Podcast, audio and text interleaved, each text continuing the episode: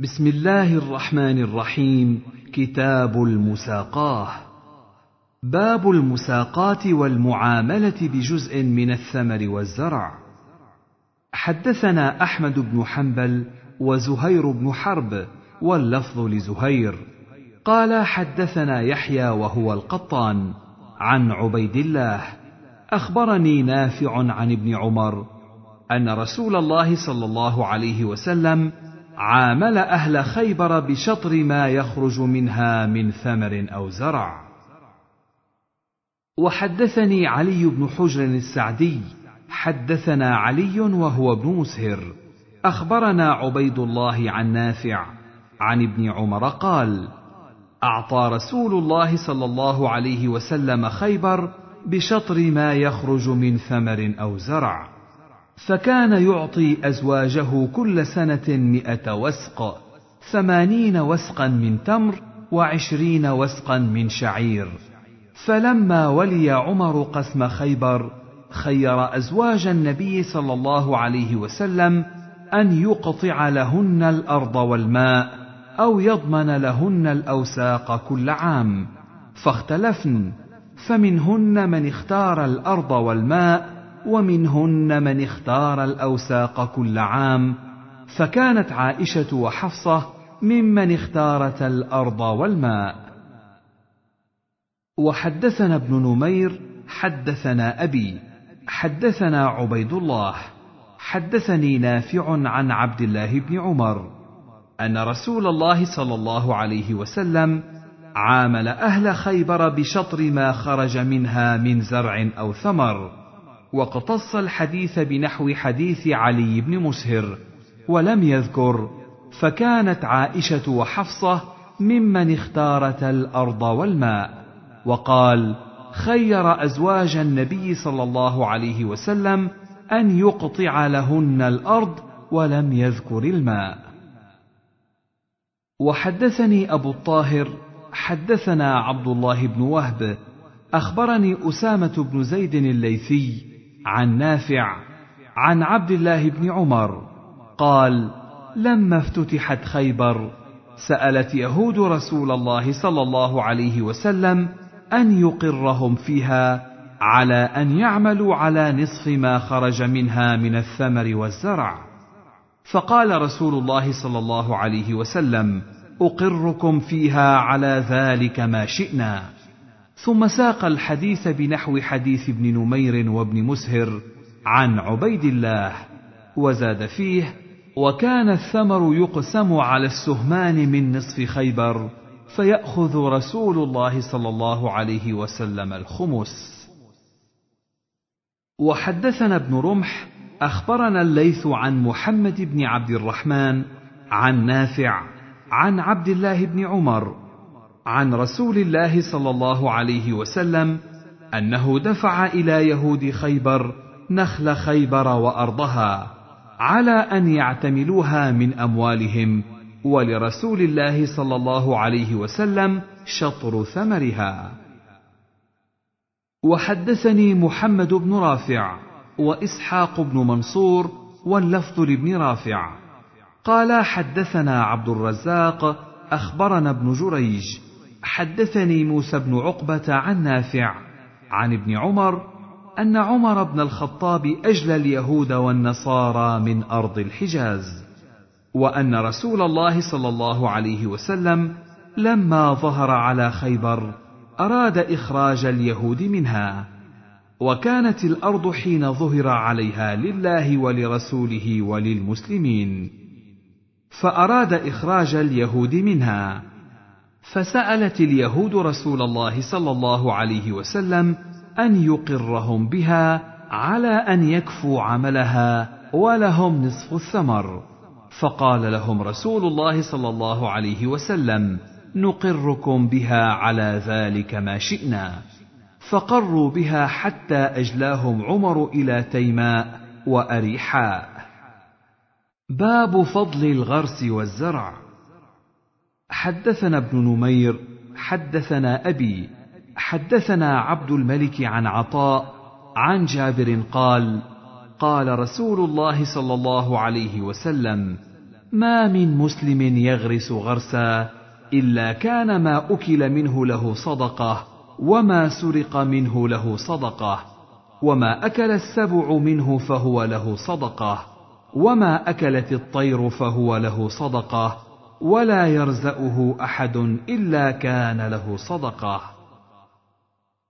حدثنا قتيبة بن سعيد حدثنا ليث حا وحدثنا محمد بن رمح أخبرنا الليث عن أبي الزبير عن جابر أن النبي صلى الله عليه وسلم دخل على أم مبشر الأنصارية في نخل لها فقال لها النبي صلى الله عليه وسلم من غرس هذا النخل؟ أمسلم أم كافر؟ فقالت بل مسلم. فقال لا يغرس مسلم غرسا ولا يزرع زرعا فيأكل منه إنسان ولا دابة ولا شيء إلا كانت له صدقة. وحدثني محمد بن حاتم وابن أبي خلف قالا حدثنا روح حدثنا ابن جريج أخبرني أبو الزبير أنه سمع جابر بن عبد الله يقول سمعت رسول الله صلى الله عليه وسلم يقول لا يغرس رجل مسلم غرسا ولا زرعا فيأكل منه سبع أو طائر أو شيء إلا كان له فيه أجر. وقال ابن أبي خلف طائر شيء. حدثنا أحمد بن سعيد بن إبراهيم حدثنا روح بن عبادة حدثنا زكريا بن إسحاق أخبرني عمرو بن دينار أنه سمع جابر بن عبد الله يقول دخل النبي صلى الله عليه وسلم على أم معبد حائطا فقال يا أم معبد من غرس هذا النخل؟ أمسلم أم كافر؟ فقالت بل مسلم. قال فلا يغرس المسلم غرسا فيأكل منه إنسان ولا دابة ولا طير إلا كان له صدقة إلى يوم القيامة. وحدثنا أبو بكر بن أبي شيبة حدثنا حفص بن غياث حا. وحدثنا أبو كريب وإسحاق بن إبراهيم جميعا عن أبي معاوية حا.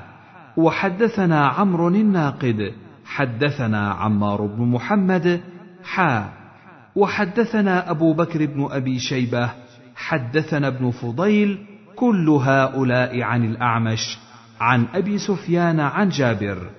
زاد عمرو في روايته عن عمار وأبو كريب في روايته عن أبي معاوية.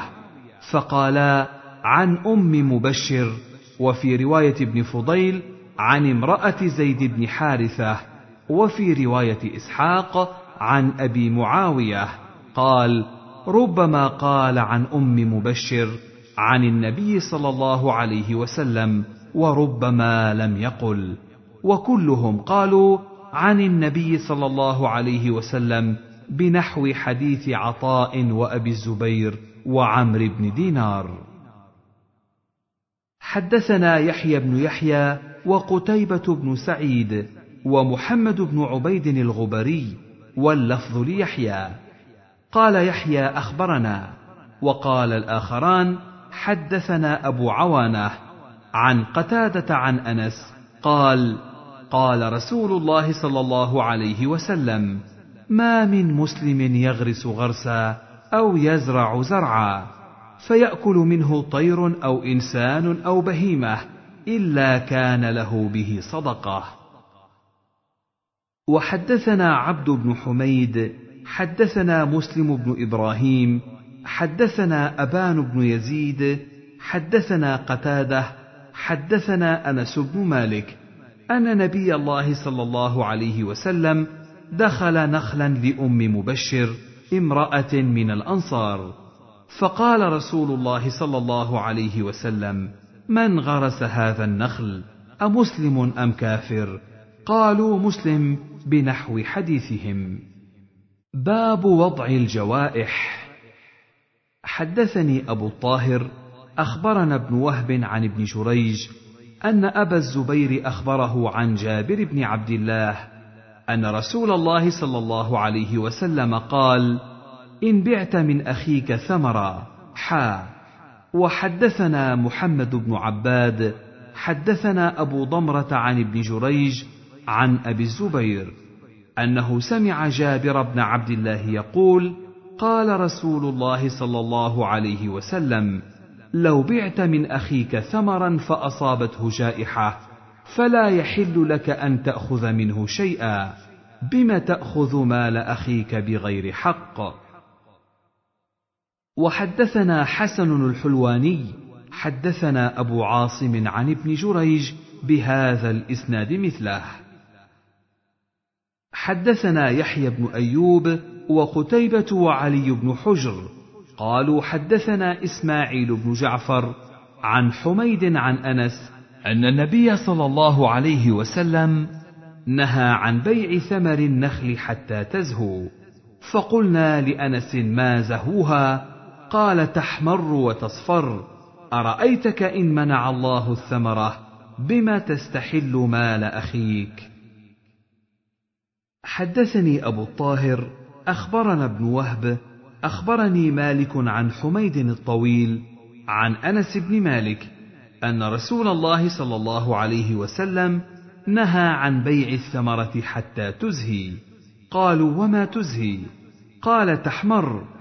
فقال إذا منع الله الثمرة فبم تستحل مال أخيك؟ حدثني محمد بن عباد حدثنا عبد العزيز بن محمد عن حميد عن أنس أن النبي صلى الله عليه وسلم قال إن لم يثمرها الله فبما يستحل أحدكم مال أخيه؟ حدثنا بشر بن الحكم وإبراهيم بن دينار وعبد الجبار بن العلاء واللفظ لبشر. قالوا حدثنا سفيان بن عيينة عن حميد الأعرج عن سليمان بن عتيق عن جابر أن النبي صلى الله عليه وسلم أمر بوضع الجوائح. قال أبو إسحاق وهو صاحب مسلم. حدثنا عبد الرحمن بن بشر عن سفيان بهذا. باب استحباب الوضع من الدين. حدثنا قتيبة بن سعيد حدثنا ليث عن بكير عن عياض بن عبد الله عن أبي سعيد الخدري قال أصيب رجل في عهد رسول الله صلى الله عليه وسلم في ثمار ابتاعها فكثر دينه فقال رسول الله صلى الله عليه وسلم تصدقوا عليه فتصدق الناس عليه فلم يبلغ ذلك وفاء دينه. فقال رسول الله صلى الله عليه وسلم لغرمائه خذوا ما وجدتم وليس لكم إلا ذلك. حدثني يونس بن عبد الأعلى أخبرنا عبد الله بن وهب أخبرني عمرو بن الحارث عن بكير بن الأشج بهذا الإسناد مثله. وحدثني غير واحد من أصحابنا. قالوا حدثنا إسماعيل بن أبي أويس. حدثني أخي عن سليمان وهو ابن بلال. عن يحيى بن سعيد عن أبي الرجال محمد بن عبد الرحمن أن أمه عمرة بنت عبد الرحمن قالت سمعت عائشة تقول سمع رسول الله صلى الله عليه وسلم صوت خصوم بالباب عالية أصواتهما. وإذا أحدهما يستوضع الآخر ويسترفقه في شيء وهو يقول والله لا أفعل فخرج رسول الله صلى الله عليه وسلم عليهما فقال أين المتألي على الله؟ لا يفعل المعروف. قال أنا يا رسول الله فله أي ذلك أحب؟ حدثنا حرملة بن يحيى أخبرنا عبد الله بن وهب أخبرني يونس عن ابن شهاب حدثني عبد الله بن كعب بن مالك أخبره عن أبيه أنه تقاضى ابن أبي حدرد دينا كان له عليه في عهد رسول الله صلى الله عليه وسلم في المسجد فارتفعت أصواتهما حتى سمعها رسول الله صلى الله عليه وسلم وهو في بيته. فخرج إليهما رسول الله صلى الله عليه وسلم حتى كشف سجف حجرته ونادى كعب بن مالك فقال يا كعب فقال لبيك يا رسول الله فأشار إليه بيده ان ضع الشطر من دينك. قال كعب قد فعلت يا رسول الله. قال رسول الله صلى الله عليه وسلم قم فاقضه وحدثناه إسحاق بن إبراهيم أخبرنا عثمان بن عمر أخبرنا يونس عن الزهري عن عبد الله بن كعب بن مالك أن كعب بن مالك اخبره أنه تقاضى دينا له على ابن أبي حدرد بمثل حديث ابن وهب. قال مسلم وروى الليث بن سعد حدثني جعفر بن ربيعة عن عبد الرحمن بن هرمز عن عبد الله بن كعب بن مالك عن كعب بن مالك أنه كان له مال على عبد الله بن أبي حدرد الأسلمي فلقيه فلزمه فتكلما حتى ارتفعت أصواتهما فمر بهما رسول الله صلى الله عليه وسلم فقال يا كعب فأشار بيده كأنه يقول النصف فأخذ نصفا مما عليه وترك نصفا. باب من أدرك ما باعه عند المشتري وقد أفلس فله الرجوع فيه. حدثنا أحمد بن عبد الله بن يونس حدثنا زهير بن حرب حدثنا يحيى بن سعيد. أخبرني أبو بكر بن محمد بن عمرو بن حزم أن عمر بن عبد العزيز اخبره أن أبا بكر بن عبد الرحمن بن الحارث بن هشام اخبره أنه سمع أبا هريرة يقول قال رسول الله صلى الله عليه وسلم أو سمعت رسول الله صلى الله عليه وسلم يقول من أدرك ماله بعينه عند رجل قد أفلس أو إنسان قد أفلس فهو أحق به من غيره. حدثنا يحيى بن يحيى أخبرنا هشيم حا وحدثنا قتيبة بن سعيد ومحمد بن رمح جميعا عن الليث بن سعد. حا وحدثنا أبو الربيع ويحيى بن حبيب الحارثي. قال حدثنا حماد يعني بن زيد. حا وحدثنا أبو بكر بن أبي شيبة. حدثنا سفيان بن عيينة. حا وحدثنا محمد بن المثنى. حدثنا عبد الوهاب ويحيى بن سعيد وحفص بن غياث. كل هؤلاء عن يحيى بن سعيد في هذا الإسناد بمعنى حديث زهير. وقال ابن رمح من بينهم في روايته أيما امرئ فلس.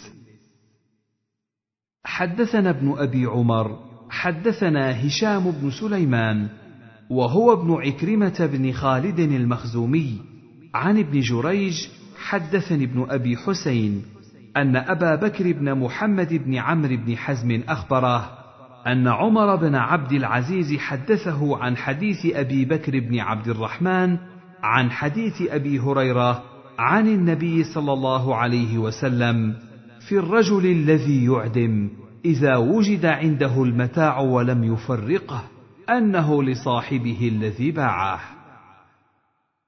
حدثنا محمد بن المثنى حدثنا محمد بن جعفر وعبد الرحمن بن مهدي قال حدثنا شعبة عن قتادة عن النضر بن أنس عن بشير بن نهيك عن أبي هريرة عن النبي صلى الله عليه وسلم قال إذا أفلس الرجل فوجد الرجل متاعه بعينه فهو أحق به. وحدثني زهير بن حرب حدثنا إسماعيل بن إبراهيم حدثنا سعيد حا. وحدثني زهير بن حرب أيضا حدثنا معاذ بن هشام حدثني أبي كلاهما عن قتادة بهذا الإسناد مثله وقالا فهو أحق به من الغرماء. وحدثني محمد بن أحمد بن أبي خلف وحجاج بن الشاعر قال حدثنا أبو سلمة الخزاعي قال حجاج منصور بن سلمة أخبرنا سليمان بن بلال عن خثيم بن عراك عن أبيه عن أبي هريرة أن رسول الله صلى الله عليه وسلم قال إذا أفلس الرجل فوجد الرجل عنده سلعته بعينها فهو أحق بها. باب فضل إنظار المعسر. حدثنا أحمد بن عبد الله بن يونس حدثنا زهير حدثنا منصور عن ربعي بن حراش أن حذيفة حدثهم قال قال رسول الله صلى الله عليه وسلم تلقت الملائكة روح رجل ممن كان قبلكم فقالوا أعملت من الخير شيئا؟ قال لا. قالوا تذكر. قال كنت أداين الناس فآمر فتياني أن ينظروا المعسر ويتجوزوا عن الموسر. قال قال الله عز وجل تجوزوا عنه. حدثنا علي بن حجر وإسحاق بن إبراهيم واللفظ لابن حجر. قال حدثنا جرير عن المغيرة عن نعيم بن أبي هند عن ربعي بن حراش قال اجتمع حذيفة وأبو مسعود. فقال حذيفة رجل لقي ربه. فقال ما عملت؟ قال ما عملت من الخير إلا أني كنت رجلا ذا مال فكنت أطالب به الناس فكنت أقبل الميسور وأتجاوز عن المعسور. فقال تجاوزوا عن عبدي. قال أبو مسعود هكذا سمعت رسول الله صلى الله عليه وسلم يقول حدثنا محمد بن المثنى حدثنا محمد بن جعفر حدثنا شعبة عن عبد الملك بن عمير عن ربعي بن حراش عن حذيفة عن النبي صلى الله عليه وسلم أن رجلا مات فدخل الجنة فقيل له ما كنت تعمل؟ قال فإما ذكر وإما ذكر. فقال إني كنت أبايع الناس فكنت أنظر المعسر وأتجوز في السكة أو في النقد فغفر له. فقال أبو مسعود وأنا سمعته من رسول الله صلى الله عليه وسلم.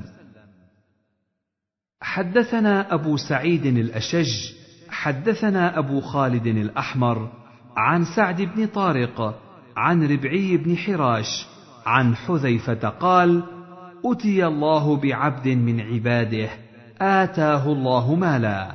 فقال له ماذا عملت في الدنيا؟ قال ولا يكتمون الله حديثا. قال يا رب آتيتني مالك فكنت أبايع الناس وكان من خلق الجواز. فكنت أتيسر على الموسر وأنظر المعسر. فقال الله أنا أحق بذا منك تجاوزوا عن عبدي.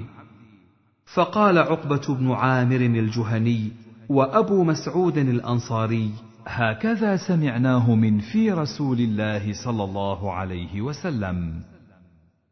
حدثنا يحيى بن يحيى وأبو بكر بن أبي شيبة وأبو كريب وإسحاق بن إبراهيم واللفظ ليحيى. قال يحيى أخبرنا. وقال الآخرون حدثنا أبو معاوية عن الأعمش عن شقيق عن أبي مسعود قال قال رسول الله صلى الله عليه وسلم حوسب رجل ممن كان قبلكم فلم يوجد له من الخير شيء إلا أنه كان يخالط الناس. وكان موسرا فكان يأمر غلمانه أن يتجاوزوا عن المعسر. قال قال الله عز وجل نحن أحق بذلك منه تجاوزوا عنه. حدثنا منصور بن أبي مزاحم ومحمد بن جعفر بن زياد. قال منصور حدثنا إبراهيم بن سعد عن الزهري وقال ابن جعفر أخبرنا إبراهيم وهو ابن سعد عن ابن شهاب عن عبيد الله بن عبد الله بن عتبة عن أبي هريرة أن رسول الله صلى الله عليه وسلم قال كان رجل يداين الناس فكان يقول لفتاه إذا أتيت معسرا فتجاوز عنه لعل الله يتجاوز عنا فلقي الله فتجاوز عنه. حدثني حرملة بن يحيى أخبرنا عبد الله بن وهب أخبرني يونس عن ابن شهاب أن عبيد الله بن عبد الله بن عتبة حدثه أنه سمع أبا هريرة يقول سمعت رسول الله صلى الله عليه وسلم يقول بمثله. حدثنا أبو الهيثم خالد بن خداش بن عجلان حدثنا حماد بن زيد عن أيوب عن يحيى بن أبي كثير عن عبد الله بن أبي قتادة أن أبا قتادة طلب غريما له فتوارى عنه ثم وجده فقال إني معسر فقال آه الله قال آه الله قال فإني سمعت رسول الله صلى الله عليه وسلم يقول من سره أن ينجيه الله من كرب يوم القيامة فلينفس عن معسر. أو يضع عنه. وحدثنيه أبو الطاهر أخبرنا ابن وهب أخبرني جرير بن حازم عن أيوب بهذا الإسناد نحوه. باب تحريم مطل الغني وصحة الحوالة واستحباب قبولها إذا أحيل على ملي. حدثنا يحيى بن يحيى قال قرأت على مالك عن أبي الزناد عن الأعرج عن أبي هريرة أن رسول الله صلى الله عليه وسلم قال مطل الغني ظلم وإذا أتبع أحدكم على مليء فليتبع. حدثنا إسحاق بن إبراهيم أخبرنا عيسى بن يونس حا وحدثنا محمد بن رافع حدثنا عبد الرزاق قال جميعا حدثنا معمر عن همام بن منبه عن أبي هريرة عن النبي صلى الله عليه وسلم بمثله. باب تحريم بيع فضل الماء الذي يكون بالفلاه ويحتاج إليه لرعي الكلأ وتحريم منع بذله وتحريم بيع ضراب الفحل. وحدثنا أبو بكر بن أبي شيبة أخبرنا وكيع حا وحدثني محمد بن حاتم حدثنا يحيى بن سعيد جميعا عن ابن جريج عن أبي الزبير عن جابر بن عبد الله قال نهى رسول الله صلى الله عليه وسلم عن بيع فضل الماء. وحدثنا إسحاق بن إبراهيم أخبرنا روح بن عبادة حدثنا ابن جريج أخبرني أبو الزبير أنه سمع جابر بن عبد الله يقول نهى رسول الله صلى الله عليه وسلم عن بيع ضراب الجمل وعن بيع الماء والأرض لتحرث فعن ذلك نهى النبي صلى الله عليه وسلم. حدثنا يحيى بن يحيى قال قرأت على مالك حا. وحدثنا قتيبة حدثنا ليث كلاهما عن أبي الزناد عن الأعرج عن أبي هريرة أن رسول الله صلى الله عليه وسلم قال لا يمنع فضل الماء ليمنع به الكلا وحدثني أبو الطاهر وحرملة واللفظ لحرملة. أخبرنا ابن وهب. أخبرني يونس عن ابن شهاب. حدثني سعيد بن المسيب وأبو سلمة بن عبد الرحمن. أن أبا هريرة قال قال رسول الله صلى الله عليه وسلم لا تمنعوا فضل الماء لتمنعوا به الكلا وحدثنا أحمد بن عثمان النوفلي حدثنا أبو عاصم الضحاك بن مخلد حدثنا ابن جريج أخبرني زياد بن سعد أن هلال بن أسامة أخبره أن أبا سلمة بن عبد الرحمن أخبره أنه سمع أبا هريرة يقول قال رسول الله صلى الله عليه وسلم لا يباع فضل الماء ليباع به الكلأ. باب تحريم ثمن الكلب وحلوان الكاهن ومهر البغي والنهي عن بيع السنور. حدثنا يحيى بن يحيى قال قرأت على مالك عن ابن شهاب عن أبي بكر بن عبد الرحمن عن أبي مسعود الأنصاري أن رسول الله صلى الله عليه وسلم نهى عن ثمن الكلب ومهر البغي وحلوان الكاهن. وحدثنا قتيبة بن سعيد ومحمد بن رمح عن الليث بن سعد حا. وحدثنا أبو بكر بن أبي شيبة حدثنا سفيان بن عيينة كلاهما عن الزهري بهذا الإسناد مثله. وفي حديث الليث من رواية ابن رمح أنه سمع أبا مسعود. وحدثني محمد بن حاتم حدثنا يحيى بن سعيد القطان عن محمد بن يوسف قال سمعت السائب بن يزيد يحدث عن رافع بن خديج قال سمعت النبي صلى الله عليه وسلم يقول شر الكسب مهر البغي وثمن الكلب وكسب الحجام. حدثنا إسحاق بن إبراهيم أخبرنا الوليد بن مسلم عن الأوزاعي عن يحيى بن أبي كثير. حدثني إبراهيم بن قارض عن السائب بن يزيد. حدثني رافع بن خديج عن رسول الله صلى الله عليه وسلم قال ثمن الكلب خبيث ومهر البغي خبيث وكسب الحجام خبيث. حدثنا إسحاق بن إبراهيم أخبرنا عبد الرزاق أخبرنا معمر عن يحيى بن أبي كثير بهذا الإسناد مثله. وحدثنا إسحاق بن إبراهيم أخبرنا النضر بن شميل حدثنا هشام عن يحيى بن أبي كثير حدثني إبراهيم بن عبد الله عن السائب بن يزيد حدثنا رافع بن خديج عن رسول الله صلى الله عليه وسلم بمثله. حدثني سلمة بن شبيب حدثنا الحسن بن أعين حدثنا معقل عن أبي الزبير قال سألت جابرا عن ثمن الكلب والسنور. قال زجر النبي صلى الله عليه وسلم عن ذلك.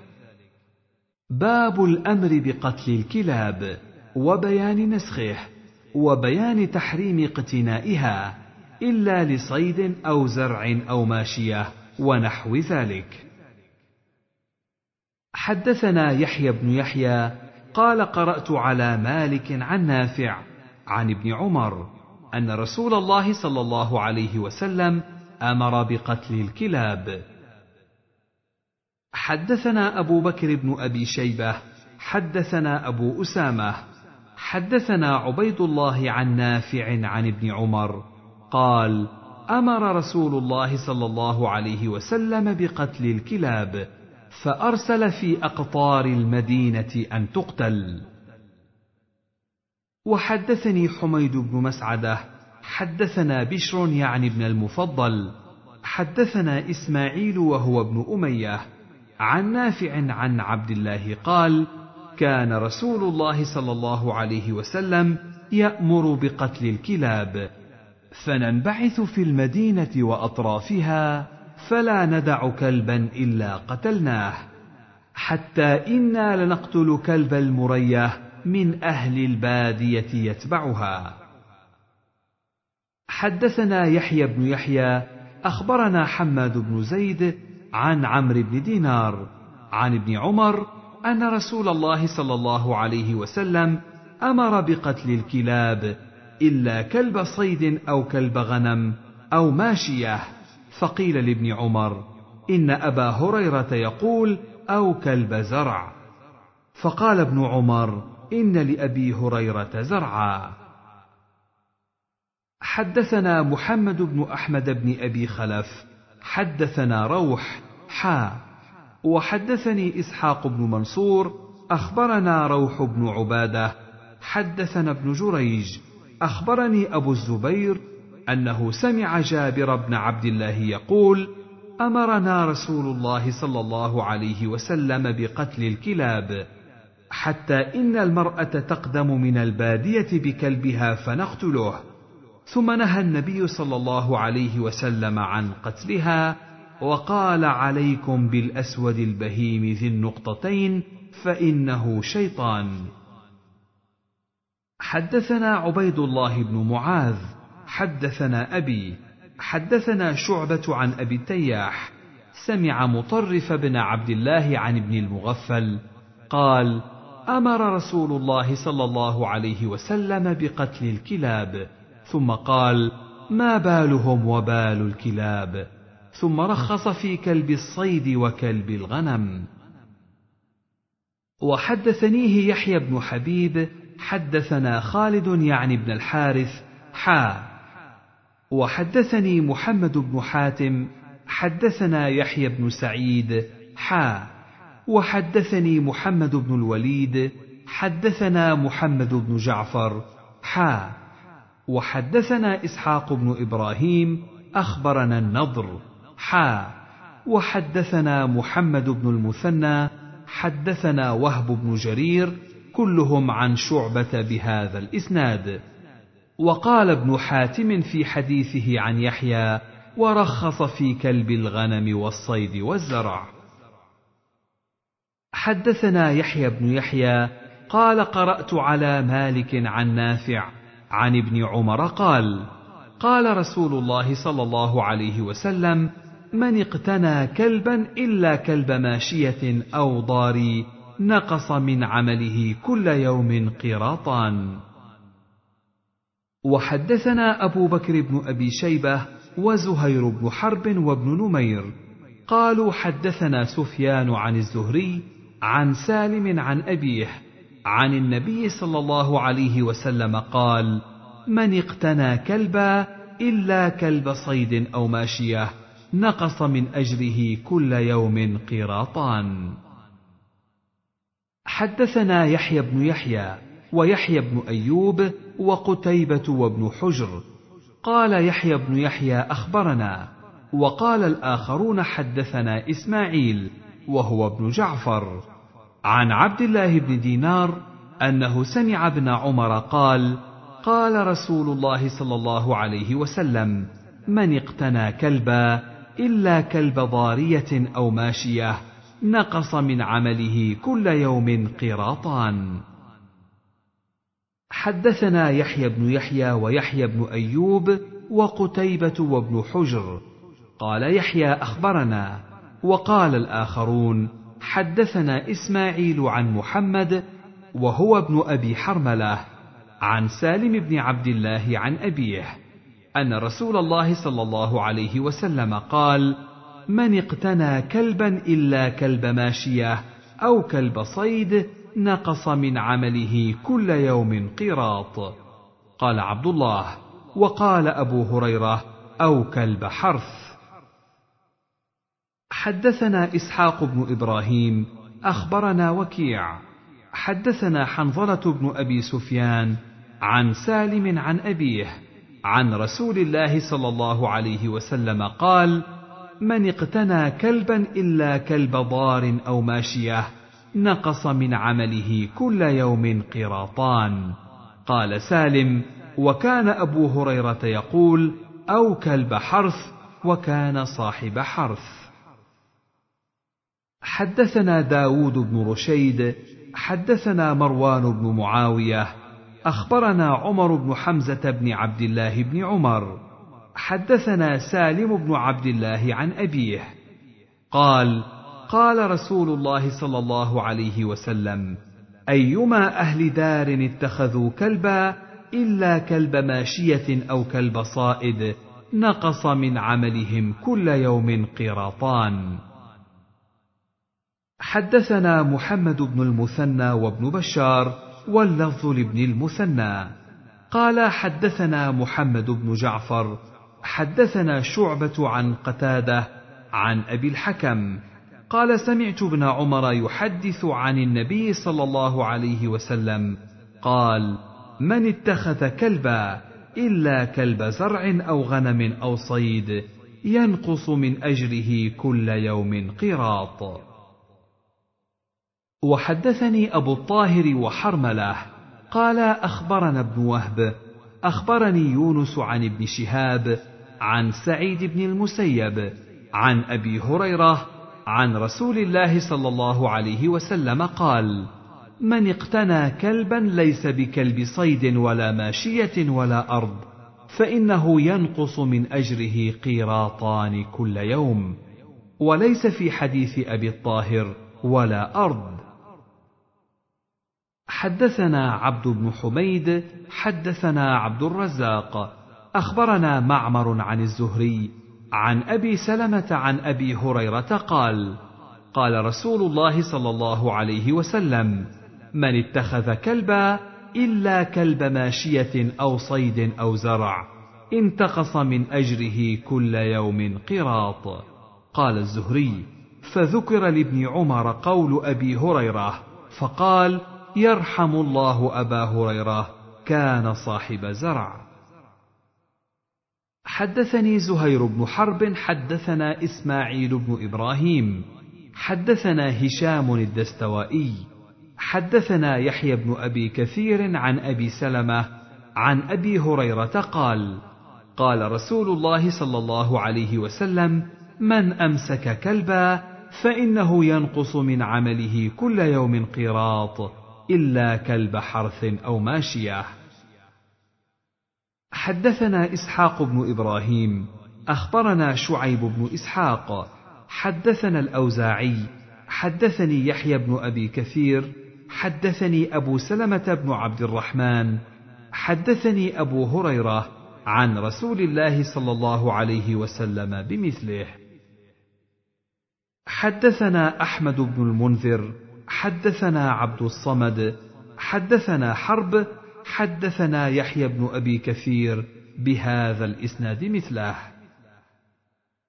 حدثنا قتيبة بن سعيد حدثنا عبد الواحد يعني بن زياد عن إسماعيل بن سميع. حدثنا أبو رزين قال سمعت أبا هريرة يقول قال رسول الله صلى الله عليه وسلم من اتخذ كلبا ليس بكلب صيد ولا غنم نقص من عمله كل يوم قراط. حدثنا يحيى بن يحيى قال قرأت على مالك عن يزيد بن خصيفة أن السائب بن يزيد أخبره أنه سمع سفيان بن أبي زهير وهو رجل من شنوءة من أصحاب رسول الله صلى الله عليه وسلم قال سمعت رسول الله صلى الله عليه وسلم يقول من اقتنى كلبا لا يغني عنه زرعا ولا ضرعا نقص من عمله كل يوم قراط. قال أنت سمعت هذا من رسول الله صلى الله عليه وسلم؟ قال إي ورب هذا المسجد. حدثنا يحيى بن أيوب وقتيبة وابن حجر قالوا حدثنا إسماعيل عن يزيد بن خصيفة. أخبرني السائب بن يزيد أنه وفد عليهم سفيان بن أبي زهير الشنائي فقال قال رسول الله صلى الله عليه وسلم بمثله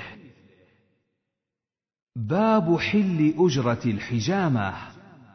حدثنا يحيى بن أيوب وقتيبة بن سعيد وعلي بن حجر قالوا حدثنا إسماعيل يعنون ابن جعفر عن حميد. قال سئل أنس بن مالك عن كسب الحجام فقال احتجم رسول الله صلى الله عليه وسلم حجمه أبو طيبة فأمر له بصاعين من طعام وكلم أهله فوضعوا عنه من خراجه وقال إن أفضل ما تداويتم به الحجامة. أو هو من امثل دوائكم. حدثنا ابن أبي عمر حدثنا مروان يعني الفزاري عن حميد قال سئل أنس عن كسب الحجام فذكر بمثله غير أنه قال إن أفضل ما تداويتم به الحجامة والقسط البحري ولا تعذبوا صبيانكم بالغمز. حدثنا أحمد بن الحسن بن خراش حدثنا شبابة حدثنا شعبة عن حميد قال سمعت انسا يقول دعا النبي صلى الله عليه وسلم غلاما لنا حجاما فحجمه فأمر له بصاع أو مد أو مدين وكلم فيه فخفف عن ضريبته. وحدثنا أبو بكر بن أبي شيبة حدثنا عفان بن مسلم حا وحدثنا إسحاق بن إبراهيم أخبرنا المخزومي كلاهما عن وهيب. حدثنا ابن طاووس عن أبيه عن ابن عباس أن رسول الله صلى الله عليه وسلم احتجم وأعطى الحجام أجره واستعط. حدثنا إسحاق بن إبراهيم وعبد بن حميد. واللفظ لعبد. قال أخبرنا عبد الرزاق أخبرنا معمر عن عاصم عن الشعبي.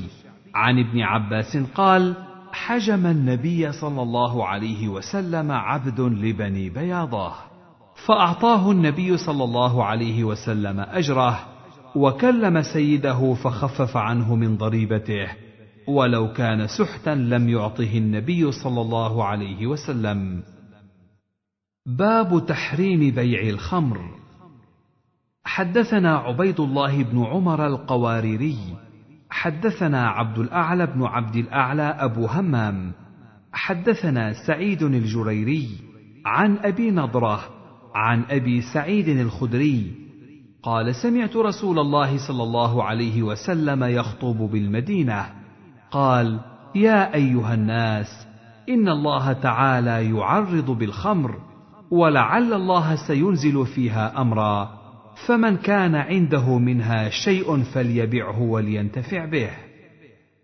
قال فما لبثنا إلا يسيرا حتى قال النبي صلى الله عليه وسلم إن الله تعالى حرم الخمر فمن أدركته هذه الآية وعنده منها شيء فلا يشرب ولا يبع. قال فاستقبل الناس بما كان عنده منها في طريق المدينة فسفكوها. حدثنا سويد بن سعيد حدثنا حفص بن ميسرة عن زيد بن أسلم عن عبد الرحمن بن وعلة رجل من أهل مصر أنه جاء عبد الله بن عباس حا وحدثنا أبو الطاهر واللفظ له أخبرنا ابن وهب أخبرني مالك بن أنس وغيره عن زيد بن أسلم عن عبد الرحمن بن وعلة السبئي من أهل مصر أنه سأل عبد الله بن عباس عما يعصر من العنب فقال ابن عباس إن رجلا أهدى لرسول الله صلى الله عليه وسلم راوية خمر فقال له رسول الله صلى الله عليه وسلم هل علمت أن الله قد حرمها؟ قال لا فسار إنسانا. فقال له رسول الله صلى الله عليه وسلم بم ساررته؟ فقال أمرته ببيعها. فقال إن الذي حرم شربها حرم بيعها. قال ففتح المزاد حتى ذهب ما فيها. حدثني أبو الطاهر أخبرنا ابن وهب أخبرني سليمان بن بلال عن يحيى بن سعيد عن عبد الرحمن بن وعله عن عبد الله بن عباس عن رسول الله صلى الله عليه وسلم مثله. حدثنا زهير بن حرب وإسحاق بن إبراهيم. قال زهير حدثنا وقال إسحاق أخبرنا جرير عن منصور عن أبي الضحى عن مسروق عن عائشة قالت لما نزلت الآيات من آخر سورة البقرة خرج رسول الله صلى الله عليه وسلم فاقترأهن على الناس ثم نهى عن التجارة في الخمر. حدثنا أبو بكر بن أبي شيبة وأبو كريب وإسحاق بن إبراهيم واللفظ لأبي كريب. قال إسحاق أخبرنا وقال الآخران حدثنا أبو معاوية عن الأعمش عن مسلم عن مسروق عن عائشة قالت: لما أنزلت الآيات من آخر سورة البقرة في الربا قالت خرج رسول الله صلى الله عليه وسلم إلى المسجد فحرم التجارة في الخمر. باب تحريم بيع الخمر والميتة والخنزير والأصنام.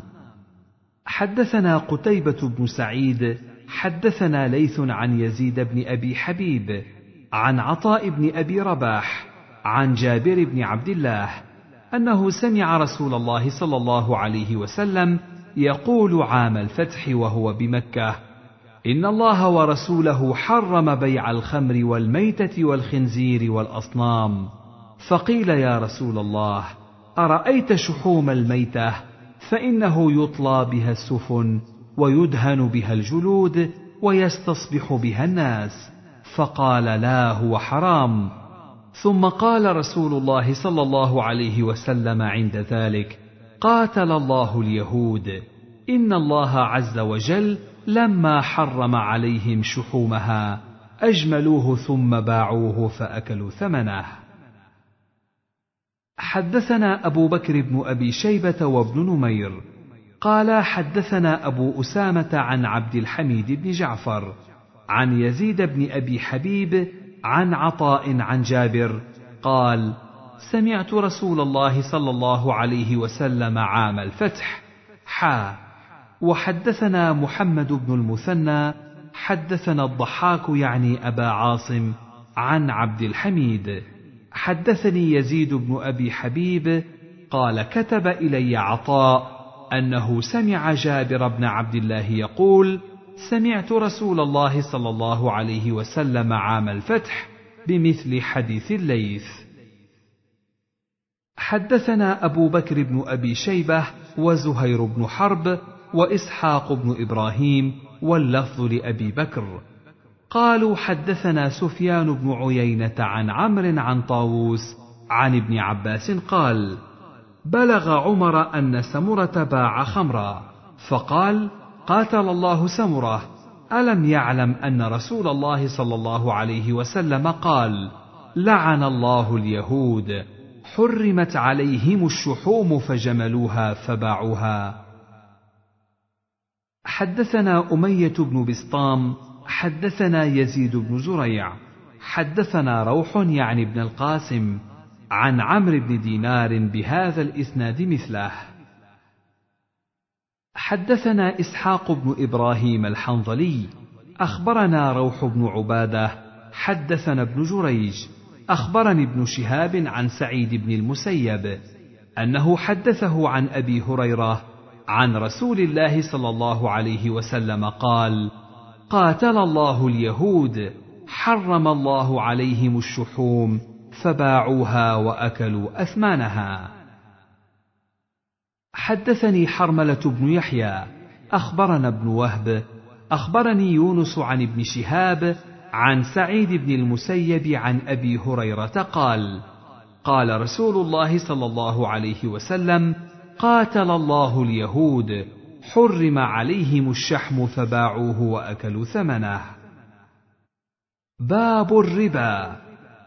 حدثنا يحيى بن يحيى قال قرأت على مالك عن نافع عن أبي سعيد الخدري أن رسول الله صلى الله عليه وسلم قال لا تبيعوا الذهب بالذهب إلا مثلا بمثل ولا تشفوا بعضها على بعض ولا تبيعوا الورق بالورق إلا مثلا بمثل ولا تشفوا بعضها على بعض ولا تبيعوا منها غائبا بناجز. حدثنا قتيبة بن سعيد حدثنا ليث حا وحدثنا محمد بن رمح أخبرنا الليث عن نافع أن ابن عمر قال له رجل من بني ليث إن أبا سعيد الخدري يأثر هذا عن رسول الله صلى الله عليه وسلم. في رواية قتيبة فذهب عبد الله ونافع معه.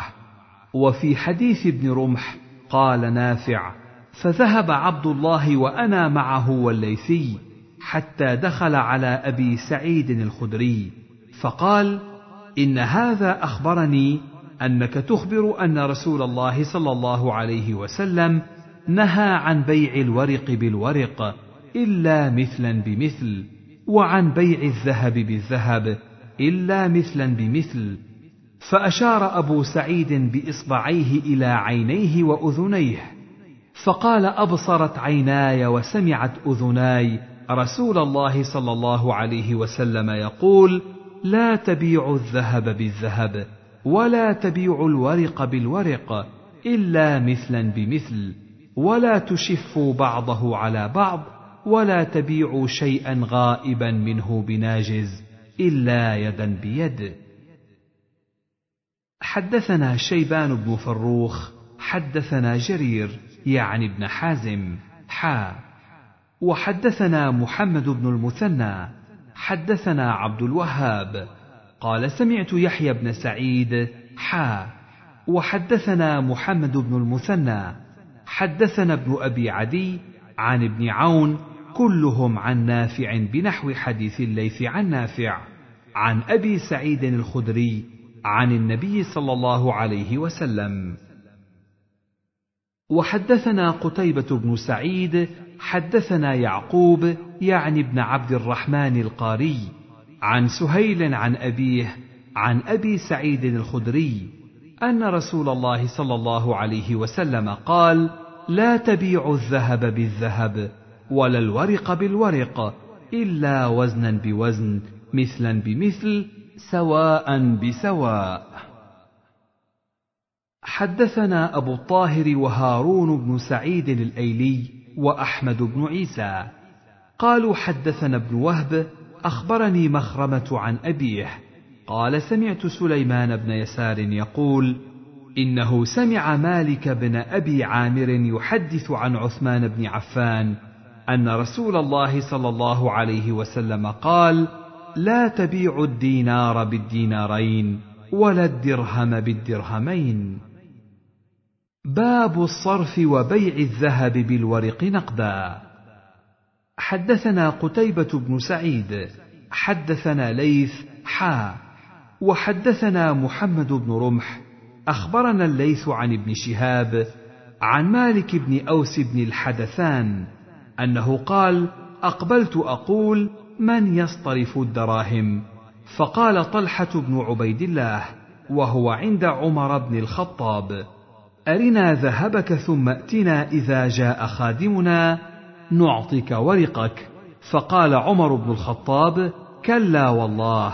لتعطيه ورقه أو لتردن إليه ذهبه فإن رسول الله صلى الله عليه وسلم قال الورق بالذهب ربا إلا هاء وهاء والبر بالبر ربا إلا هاء وهاء والشعير بالشعير ربا إلا هاء وهاء والتمر بالتمر ربا إلا هاء وهاء. وحدثنا أبو بكر بن أبي شيبة وزهير بن حرب وإسحاق عن ابن عيينة عن الزهري بهذا الإسناد.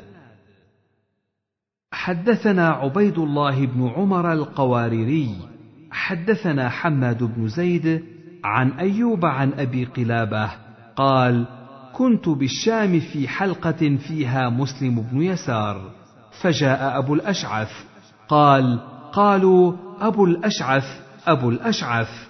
فجلس فقلت له حدث أخانا حديث عبادة بن الصامت. قال نعم غزونا غزاة وعلى الناس معاوية فغنمنا غنائم كثيرة فكان فيما غنمنا آنية من فضة فأمر معاوية رجلا أن يبيعها في أعطيات الناس فتسارع الناس في ذلك فبلغ عبادة بن الصامت فقام فقال: إني سمعت رسول الله صلى الله عليه وسلم ينهى عن بيع الذهب بالذهب، والفضة بالفضة، والبر بالبر، والشعير بالشعير، والتمر بالتمر، والملح بالملح، إلا سواء بسواء، عينا بعين، فمن زاد أو ازداد فقد أربى. فرد الناس ما أخذوا فبلغ ذلك معاوية فقام خطيبا فقال ألا ما بال رجال يتحدثون عن رسول الله صلى الله عليه وسلم؟ أحاديث قد كنا نشهده ونصحبه فلم نسمعها منه. فقام عبادة بن الصامت فأعاد القصة ثم قال لنحدثن بما سمعنا من رسول الله صلى الله عليه وسلم وإن كره معاوية أو قال وإن رغم ما أبالي أن لا أصحبه في جنده ليلة سوداء قال حماد هذا أو نحوه. حدثنا إسحاق بن إبراهيم وابن أبي عمر جميعا عن عبد الوهاب الثقفي عن أيوب بهذا الإسناد نحوه. حدثنا أبو بكر بن أبي شيبة وعمر الناقد وإسحاق بن إبراهيم واللفظ لابن أبي شيبة.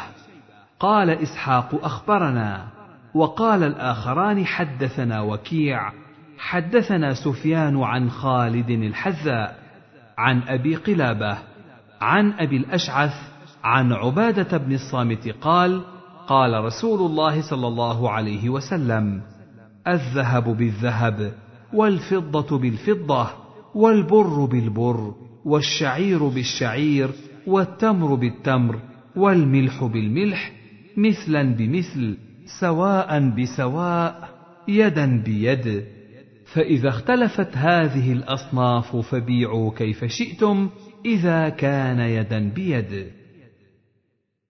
حدثنا أبو بكر بن أبي شيبة حدثنا وكيع حدثنا إسماعيل بن مسلم العبدي حدثنا أبو المتوكل الناجي عن أبي سعيد الخدري قال قال رسول الله صلى الله عليه وسلم الذهب بالذهب والفضة بالفضة والبر بالبر والشعير بالشعير والتمر بالتمر والملح بالملح مثلا بمثل يدا بيد فمن زاد أو استزاد فقد أربى الآخذ والمعطي فيه سواء.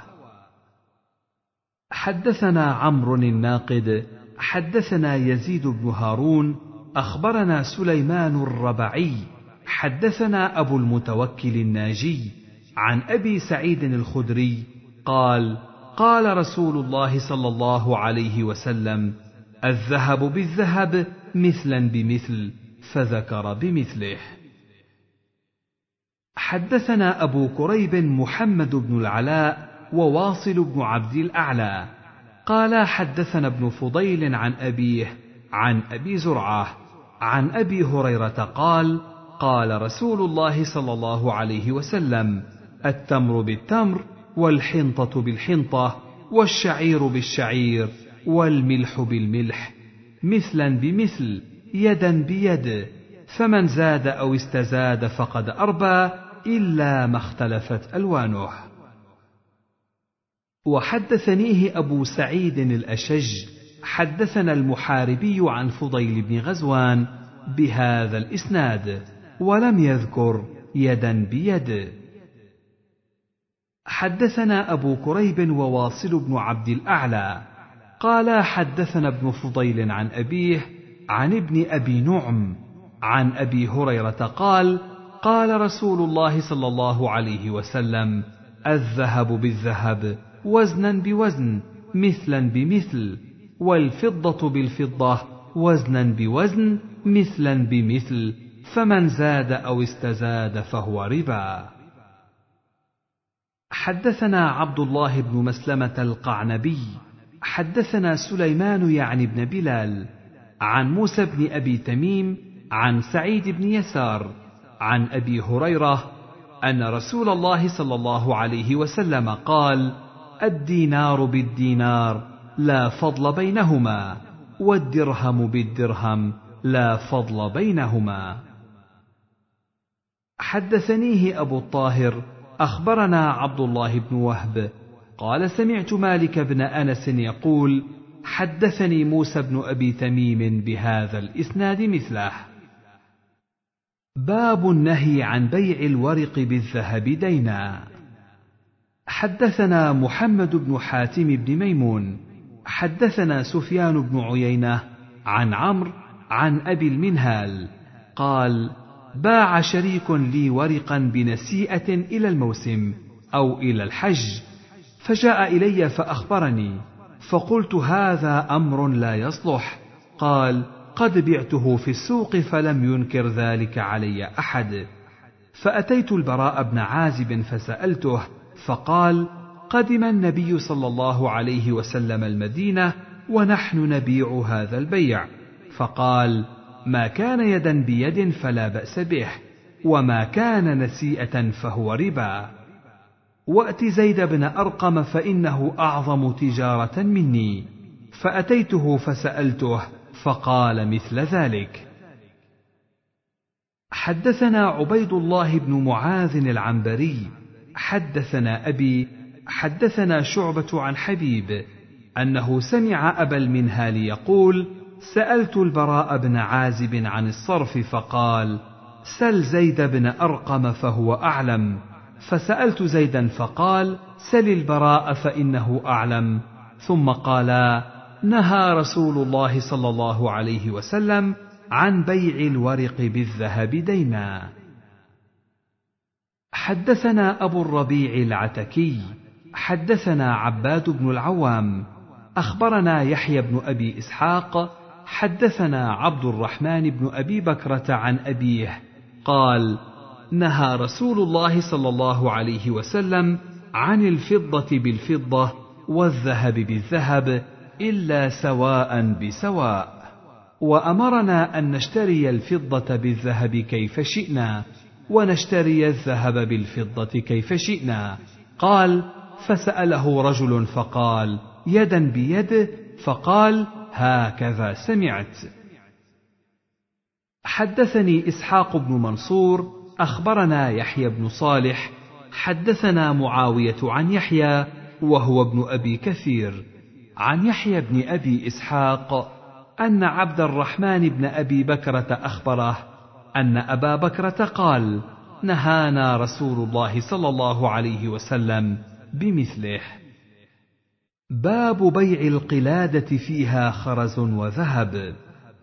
حدثني أبو الطاهر أحمد بن عمرو بن سرح أخبرنا ابن وهب أخبرني أبو هانئ الخولاني أنه سمع علي بن رباح اللخمي يقول سمعت فضالة بن عبيد الأنصاري يقول أتي رسول الله صلى الله عليه وسلم وهو بخيبر بقلادة فيها خرز وذهب وهي من المغانم تباع. فأمر رسول الله صلى الله عليه وسلم بالذهب الذي في القلادة فنزع وحده. ثم قال لهم رسول الله صلى الله عليه وسلم الذهب بالذهب وزنا بوزن. حدثنا قتيبة بن سعيد حدثنا ليث عن أبي شجاع سعيد بن يزيد عن خالد بن أبي عمران عن حنش الصنعاني عن فضالة بن عبيد. قال اشتريت يوم خيبر قلادة باثني عشر دينارا. فيها ذهب وخرز. ففصلتها فوجدت فيها أكثر من اثني عشر دينارا. فذكرت ذلك للنبي صلى الله عليه وسلم فقال لا تباع حتى تفصل. حدثنا أبو بكر بن أبي شيبة وأبو كريب. قال حدثنا ابن مبارك عن سعيد بن يزيد بهذا الإسناد نحوه. حدثنا قتيبة بن سعيد حدثنا ليث عن ابن أبي جعفر عن الجلاح أبي كثير.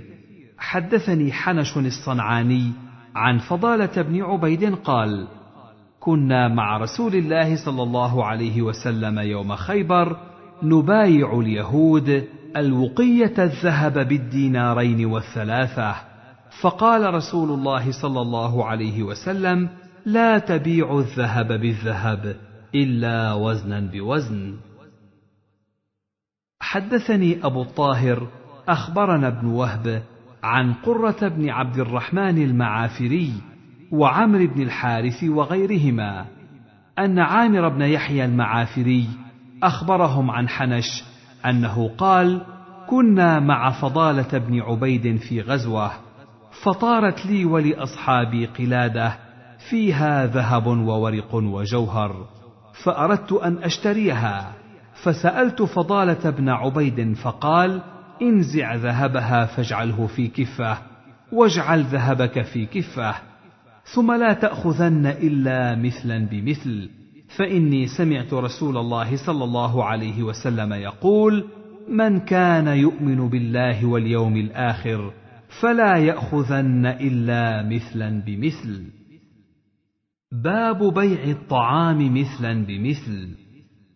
حدثنا هارون بن معروف حدثنا عبد الله بن وهب أخبرني عمرو حا وحدثني أبو الطاهر أخبرنا ابن وهب عن عمرو بن الحارث أن أبا النضر حدثه أن بصر بن سعيد حدثه عن معمر بن عبد الله أنه أرسل غلامه بصاع قمح فقال بعه ثم اشتر به شعيرا. فذهب الغلام فأخذ صاعا وزيادة بعض صاع. فلما جاء معمرا أخبره بذلك فقال له معمر لم فعلت ذلك؟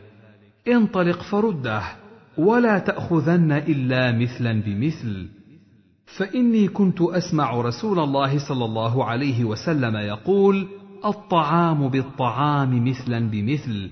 قال وكان طعامنا يومئذ الشعير. قيل له فإنه ليس بمثله. قال إني أخاف أن يضارع. حدثنا عبد الله بن مسلمة بن قعنب. حدثنا سليمان يعني بن بلال.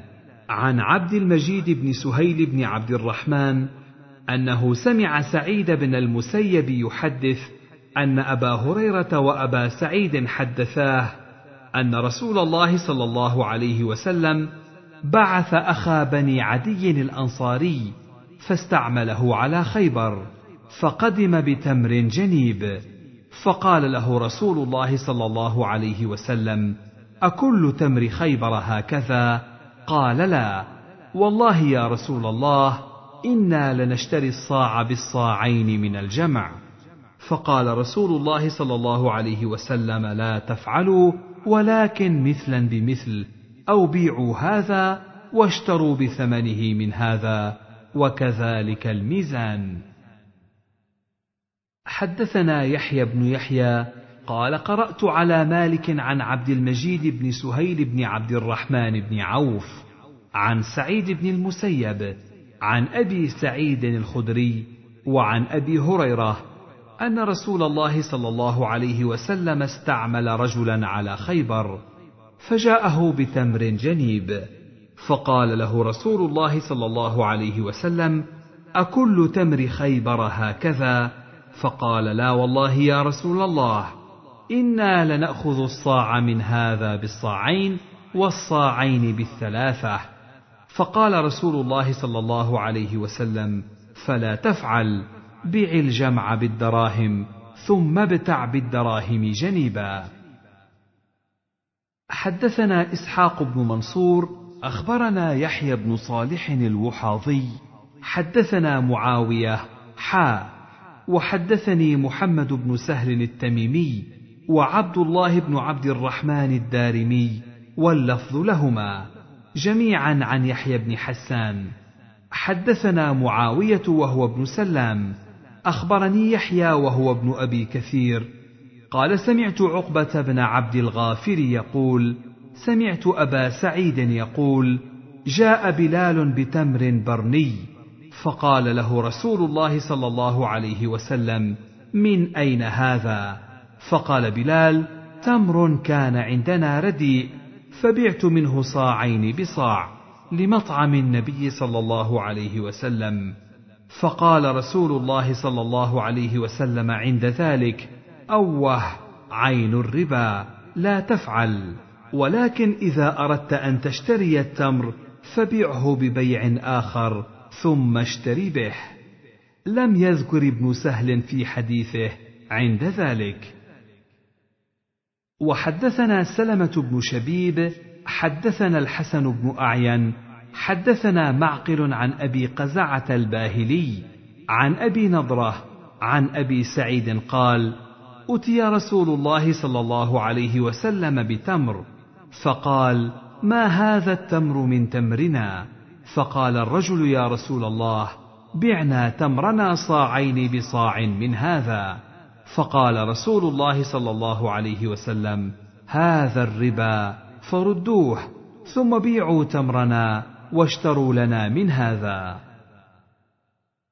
حدثني إسحاق بن منصور حدثنا عبيد الله بن موسى عن شيبان عن يحيى عن أبي سلمة عن أبي سعيد قال كنا نرزق تمر الجمع على عهد رسول الله صلى الله عليه وسلم وهو الخلط من التمر فكنا نبيع صاعين بصاع فبلغ ذلك رسول الله صلى الله عليه وسلم فقال لا صاعي تمر بصاع ولا صاعي حنطة بصاع ولا درهم بدرهمين.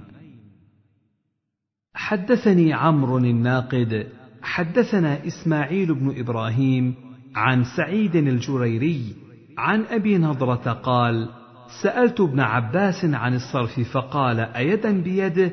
قلت نعم. قال فلا بأس به. فأخبرت أبا سعيد فقلت إني سألت ابن عباس عن الصرف فقال أيدا بيده؟ قلت نعم. قال فلا بأس به. قال أو قال ذلك؟ إنا سنكتب إليه فلا يفتيكموه. قال فوالله لقد جاء بعض فتيان رسول الله صلى الله عليه وسلم بتمر فأنكره. فقال كأن هذا ليس من تمر أرضنا. قال كان في تمر أرضنا أو في تمرنا العام بعض الشيء. فأخذت هذا وزدت بعض الزيادة. فقال أضعفت أربيت لا تقربن هذا. إن رابك من تمرك شيء فبعه ثم اشتر الذي تريد من التمر.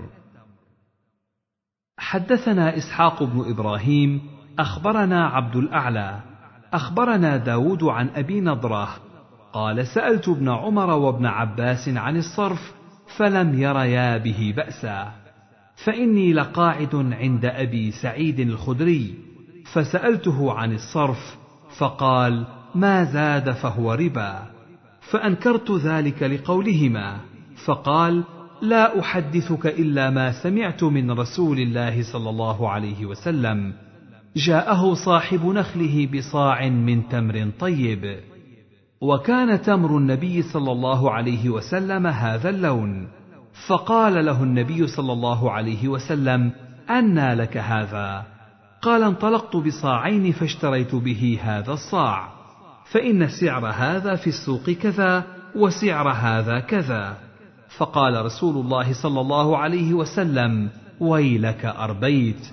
إذا أردت ذلك فبع تمرك بسلعة ثم اشتر بسلعتك أي تمر شئت.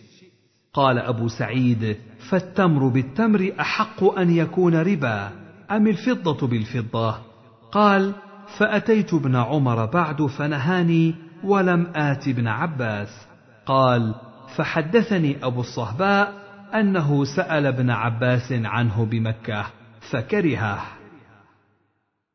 حدثني محمد بن عباد ومحمد بن حاتم وابن أبي عمر جميعا عن سفيان بن عيينة واللفظ لابن عباد. قال حدثنا سفيان عن عمرو عن أبي صالح. قال سمعت أبا سعيد الخدري يقول الدينار بالدينار والدرهم بالدرهم مثلا بمثل. من زاد أو ازداد فقد أربى. فقلت له إن ابن عباس يقول غير هذا فقال لقد لقيت ابن عباس. فقلت أرأيت هذا الذي تقول؟ أشيء سمعته من رسول الله صلى الله عليه وسلم؟ أو وجدته في كتاب الله عز وجل؟ فقال لم أسمعه من رسول الله صلى الله عليه وسلم ولم أجده في كتاب الله. ولكن حدثني أسامة بن زيد أن النبي صلى الله عليه وسلم قال الربا في النسيئة. حدثنا أبو بكر بن أبي شيبة وعمر الناقد وإسحاق بن إبراهيم وابن أبي عمر واللفظ لعمرو قال إسحاق أخبرنا. وقال الآخرون حدثنا سفيان بن عيينة عن عبيد الله بن أبي يزيد أنه سمع ابن عباس يقول أخبرني أسامة بن زيد أن النبي صلى الله عليه وسلم قال إنما الربا في النسيئة. حدثنا زهير بن حرب حدثنا عفان حا. وحدثني محمد بن حاتم حدثنا بهز. قال حدثنا وهيب حدثنا ابن طاووس عن أبيه عن ابن عباس عن أسامة بن زيد. أن رسول الله صلى الله عليه وسلم قال لا ربا فيما كان يدا بيد. حدثنا الحكم بن موسى حدثنا هقل عن الأوزاعي قال حدثني عطاء بن أبي رباح أن أبا سعيد الخدري لقي ابن عباس فقال له أرأيت قولك في الصرف؟ اشيئا سمعته من رسول الله صلى الله عليه وسلم؟ أم شيئا وجدته في كتاب الله عز وجل؟ فقال ابن عباس كلا لا أقول. أما رسول الله صلى الله عليه وسلم فأنتم أعلم به وأما كتاب الله فلا أعلمه. ولكن حدثني أسامة بن زيد أن رسول الله صلى الله عليه وسلم قال ألا إنما الربا في النسيئة؟ باب لعن آكل الربا ومؤكله. حدثنا عثمان بن أبي شيبة وإسحاق بن إبراهيم واللفظ لعثمان. قال إسحاق أخبرنا. وقال عثمان حدثنا جرير عن مغيرة. قال سأل شباك إبراهيم فحدثنا عن علقمة عن عبد الله قال لعن رسول الله صلى الله عليه وسلم آكل الربا ومؤكله. قال قلت وكاتبه وشاهديه. قال إنما نحدث بما سمعنا. حدثنا محمد بن الصباح وزهير بن حرب وعثمان بن أبي شيبة. قالوا حدثنا هشيم. أخبرنا أبو الزبير عن جابر. قال لعن رسول الله صلى الله عليه وسلم آكل الربا وموكله وكاتبه وشاهديه وقال هم سواء. باب أخذ الحلال وترك الشبهات. حدثنا محمد بن عبد الله بن نمير الهمداني. حدثنا أبي حدثنا زكرياء عن الشعبي عن النعمان بن بشير قال سمعته يقول سمعت رسول الله صلى الله عليه وسلم يقول وأهوى النعمان بإصبعيه إلى أذنيه إن الحلال بين وإن الحرام بين وبينهما مشتبهات لا يعلمهن كثير من الناس. فمن اتقى الشبهات استبرأ لدينه وعرضه ومن وقع في الشبهات وقع في الحرام كالراعي يرعى حول الحمى يوشك أن يرتع فيه. ألا وإن لكل ملك حمى. ألا وإن حمى الله محارمه. ألا وإن في الجسد مضغة. إذا صلحت صلح الجسد كله. وإذا فسدت فسد الجسد كله. ألا وهي القلب. وحدثنا أبو بكر بن أبي شيبة. حدثنا وكيع. حا. وحدثنا إسحاق بن إبراهيم. أخبرنا عيسى بن يونس قال حدثنا زكرياء بهذا الإسناد مثله. وحدثنا إسحاق بن إبراهيم أخبرنا جرير عن مطرف وأبي فروة الهمداني حا. وحدثنا قتيبة بن سعيد حدثنا يعقوب يعني ابن عبد الرحمن القاري عن ابن عجلان عن عبد الرحمن بن سعيد. كلهم عن الشعبي عن النعمان بن بشير عن النبي صلى الله عليه وسلم بهذا الحديث غير أن حديث زكرياء أتم من حديثهم وأكثر. حدثنا عبد الملك بن شعيب بن الليث بن سعد حدثني أبي عن جدي حدثني خالد بن يزيد حدثني سعيد بن أبي هلال عن عون بن عبد الله عن عامر الشعبي أنه سمع نعمان بن بشير بن سعد صاحب رسول الله صلى الله عليه وسلم وهو يخطب الناس بحمص وهو يقول سمعت رسول الله صلى الله عليه وسلم يقول الحلال بين والحرام بين. فذكر بمثل حديث زكرياء عن الشعبي إلى قوله يوشك أن يقع فيه. باب بيع البعير واستثناء ركوبه. حدثنا محمد بن عبد الله بن نمير. حدثنا أبي. حدثنا زكرياء عن عامر. حدثني جابر بن عبد الله أنه كان يسير على جمل له قد أعيا فأراد أن يسيبه. قال فلحقني النبي صلى الله عليه وسلم فدعا لي وضربه. فسار سيرا لم يسر مثله. قال بعنيه بوقية. قلت لا.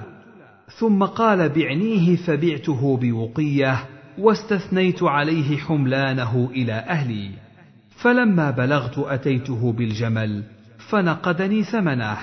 ثم رجعت فأرسل في أثري فقال أتراني ما كستك لآخذ جملك؟ خذ جملك ودراهمك فهو لك.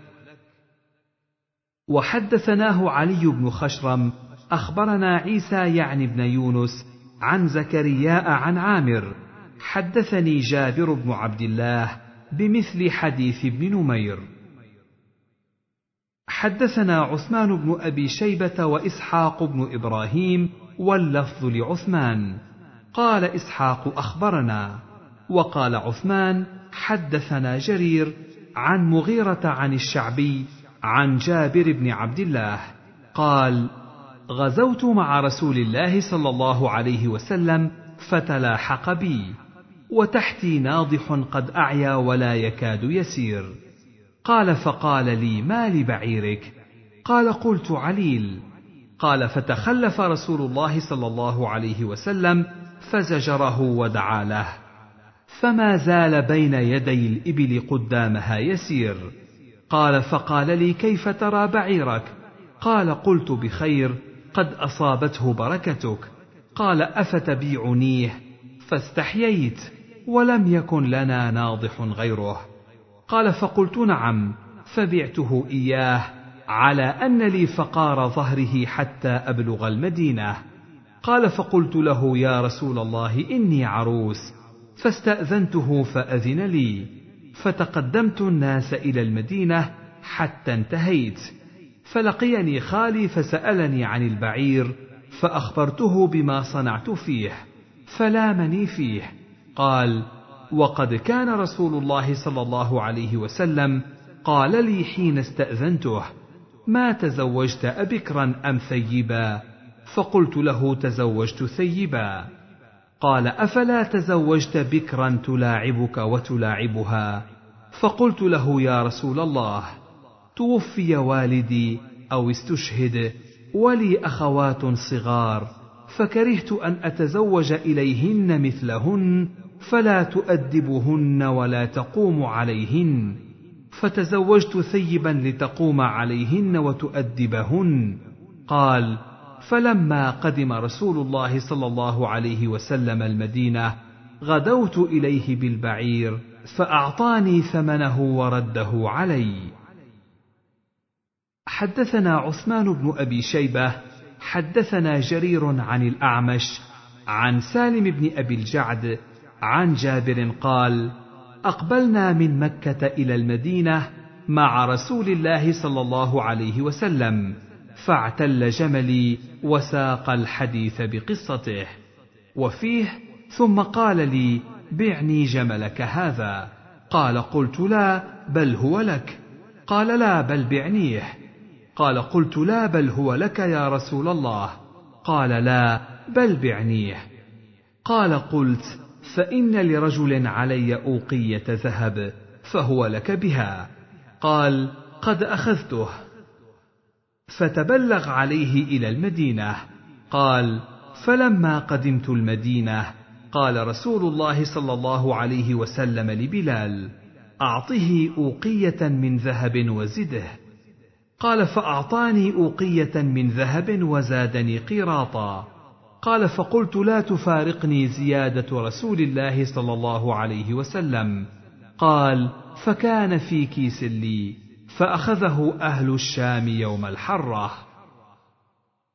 حدثنا أبو كامل الجحدري حدثنا عبد الواحد بن زياد حدثنا الجريري عن أبي نضرة عن جابر بن عبد الله قال كنا مع النبي صلى الله عليه وسلم في سفر فتخلف ناضحي وساق الحديث وقال فيه فنخسه رسول الله صلى الله عليه وسلم ثم قال لي اركب بسم الله. وزاد أيضا قال فما زال يزيدني ويقول والله يغفر لك. وحدثني أبو الربيع العتكي حدثنا حماد حدثنا أيوب عن أبي الزبير عن جابر قال لما أتى علي النبي صلى الله عليه وسلم وقد أعيا بعيري. قال فنخسه فوثب. فكنت بعد ذلك أحبس خطامه لأسمع حديثه فما أقدر عليه. فلحقني النبي صلى الله عليه وسلم فقال بعنيه. فبعته منه بخمس أواق. قال قلت على أن لي ظهره إلى المدينة. قال ولك ظهره إلى المدينة. قال فلما قدمت المدينة أتيته به فزادني وقية ثم وهبه لي. حدثنا عقبة بن مكرم العمي حدثنا يعقوب بن إسحاق حدثنا بشير بن عقبة عن أبي المتوكل الناجي عن جابر بن عبد الله قال سافرت مع رسول الله صلى الله عليه وسلم في بعض أسفاره. أظنه قال غازيا واقتص الحديث وزاد فيه قال يا جابر أتوفيت الثمن؟ قلت نعم. قال لك الثمن ولك الجمل لك الثمن ولك الجمل. حدثنا عبيد الله بن معاذ العنبري حدثنا أبي حدثنا شعبة عن محارب أنه سمع جابر بن عبد الله يقول اشترى مني رسول الله صلى الله عليه وسلم بعيرا بوقيتين ودرهم أو درهمين. قال فلما قدم صرارا أمر ببقرة فذبحت فأكلوا منها. فلما قدم المدينة أمرني أن آتي المسجد فأصلي ركعتين ووزن لي ثمن البعير فأرجح لي. حدثني يحيى بن حبيب الحارثي حدثنا خالد بن الحارث حدثنا شعبة أخبرنا محارب عن جابر عن النبي صلى الله عليه وسلم بهذه القصة غير أنه قال فاشتراه مني بثمن قد سماه ولم يذكر الوقيتين والدرهم والدرهمين وقال أمر ببقرة فنحرت ثم قسم لحمها. حدثنا أبو بكر بن أبي شيبة حدثنا ابن أبي زائدة عن ابن جريج عن عطاء عن جابر أن النبي صلى الله عليه وسلم قال له قد أخذت جملك بأربعة دنانير ولك ظهره إلى المدينة. باب من استسلف شيئا فقضى خيرا منه. وخيركم أحسنكم قضاء. حدثنا أبو الطاهر أحمد بن عمرو بن سرح أخبرنا ابن وهب عن مالك بن أنس عن زيد بن أسلم عن عطاء بن يسار عن أبي رافع. أن رسول الله صلى الله عليه وسلم استسلف من رجل بكرا فقدمت عليه إبل من إبل الصدقة. فأمر أبا رافع أن يقضي الرجل بكره فرجع إليه أبو رافع فقال لم أجد فيها إلا خيارا رباعيا فقال أعطه إياه إن خيار الناس أحسنهم قضاء. حدثنا أبو كريب حدثنا خالد بن مخلد عن محمد بن جعفر سمعت زيد بن أسلم أخبرنا عطاء بن يسار عن أبي رافع مولى رسول الله صلى الله عليه وسلم. قال استسلف رسول الله صلى الله عليه وسلم بكرا بمثله غير أنه قال فإن خير عباد الله أحسنهم قضاء.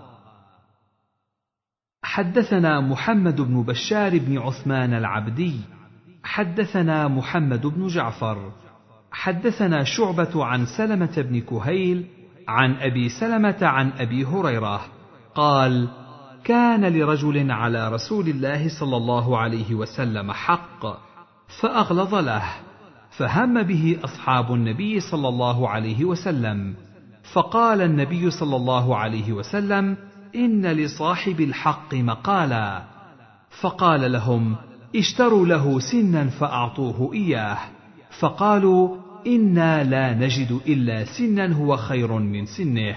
قال فاشتروه فأعطوه إياه فإن من خيركم أو خيركم أحسنكم قضاء.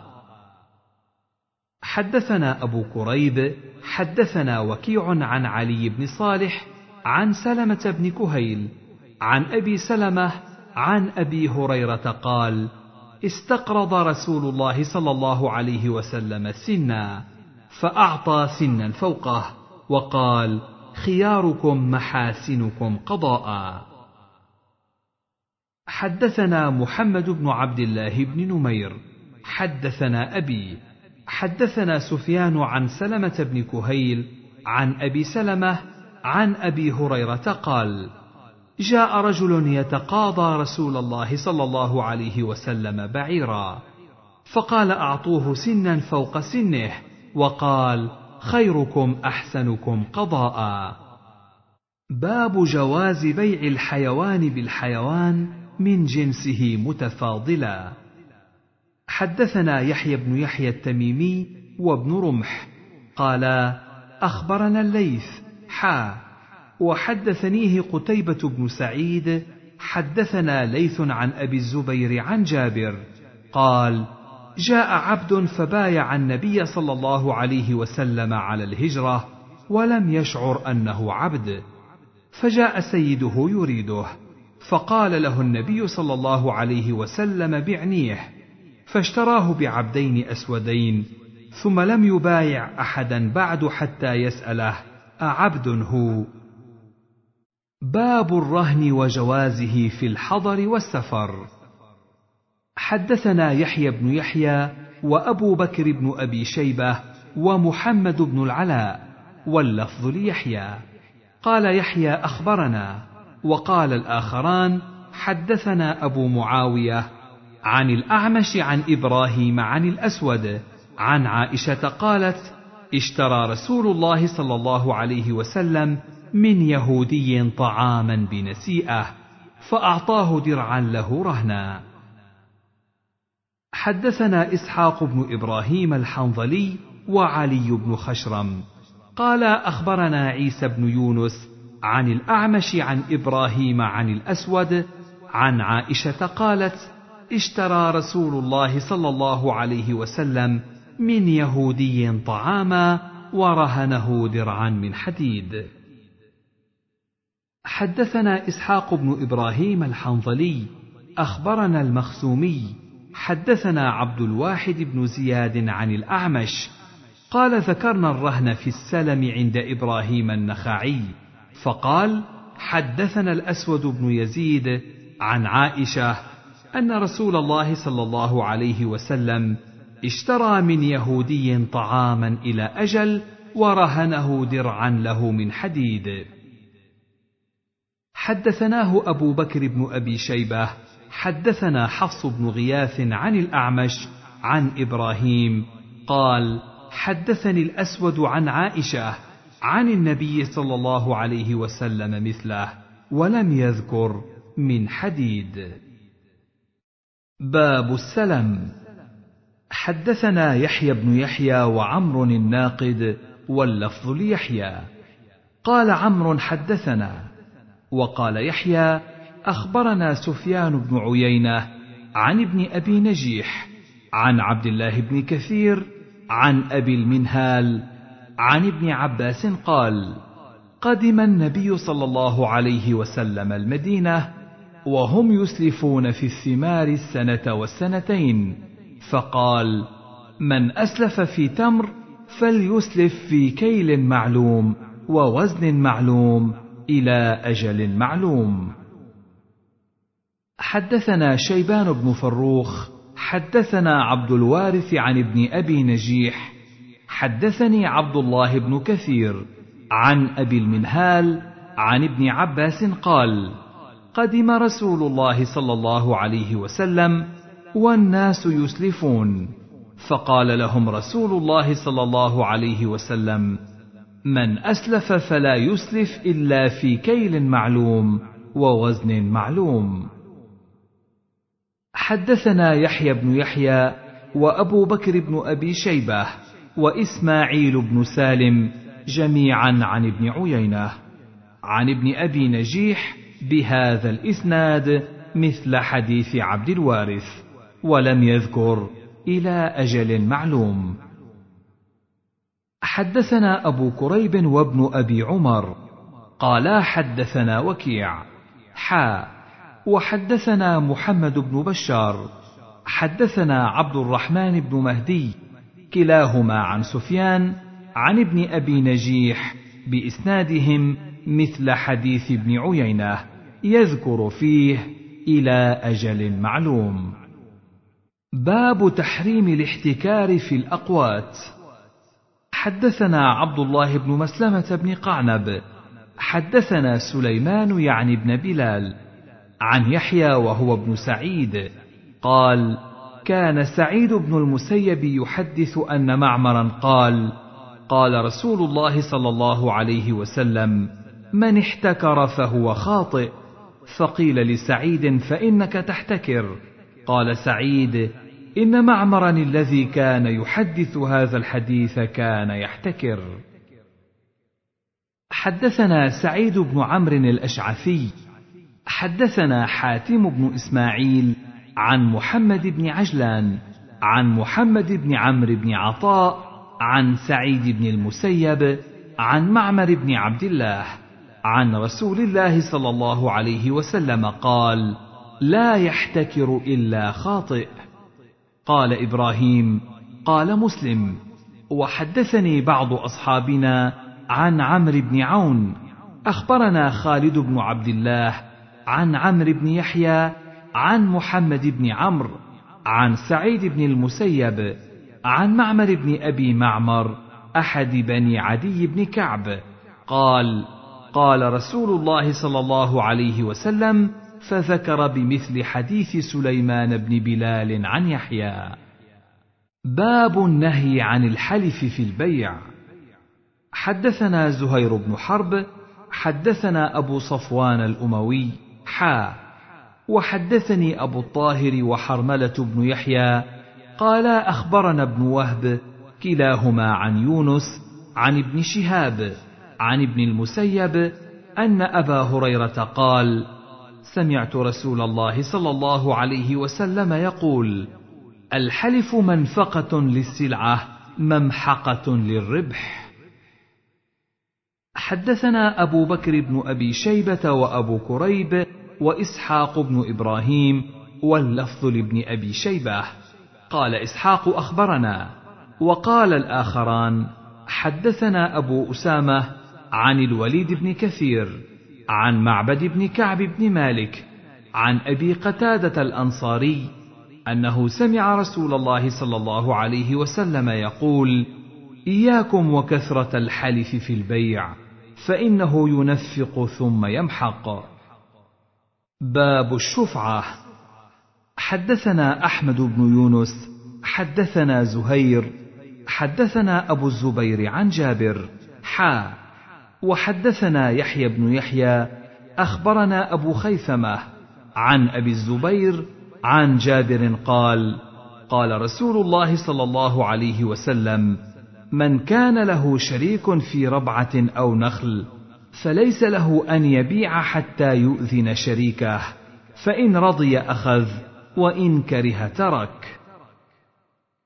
حدثنا أبو بكر بن أبي شيبة ومحمد بن عبد الله بن نمير وإسحاق بن إبراهيم واللفظ لابن نمير.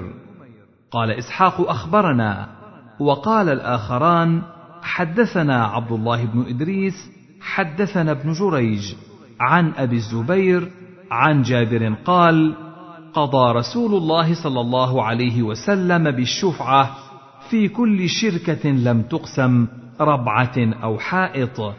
لا يحل له أن يبيع حتى يؤذن شريكه. فإن شاء أخذ وإن شاء ترك. فإذا باع ولم يؤذنه فهو أحق به. وحدثني أبو الطاهر أخبرنا ابن وهب عن ابن جريج أن أبا الزبير أخبره أنه سمع جابر بن عبد الله يقول قال رسول الله صلى الله عليه وسلم الشفعة في كل شرك في أرض أو ربع أو حائط. لا يصلح أن يبيع حتى يعرض على شريكه فيأخذ أو يدع.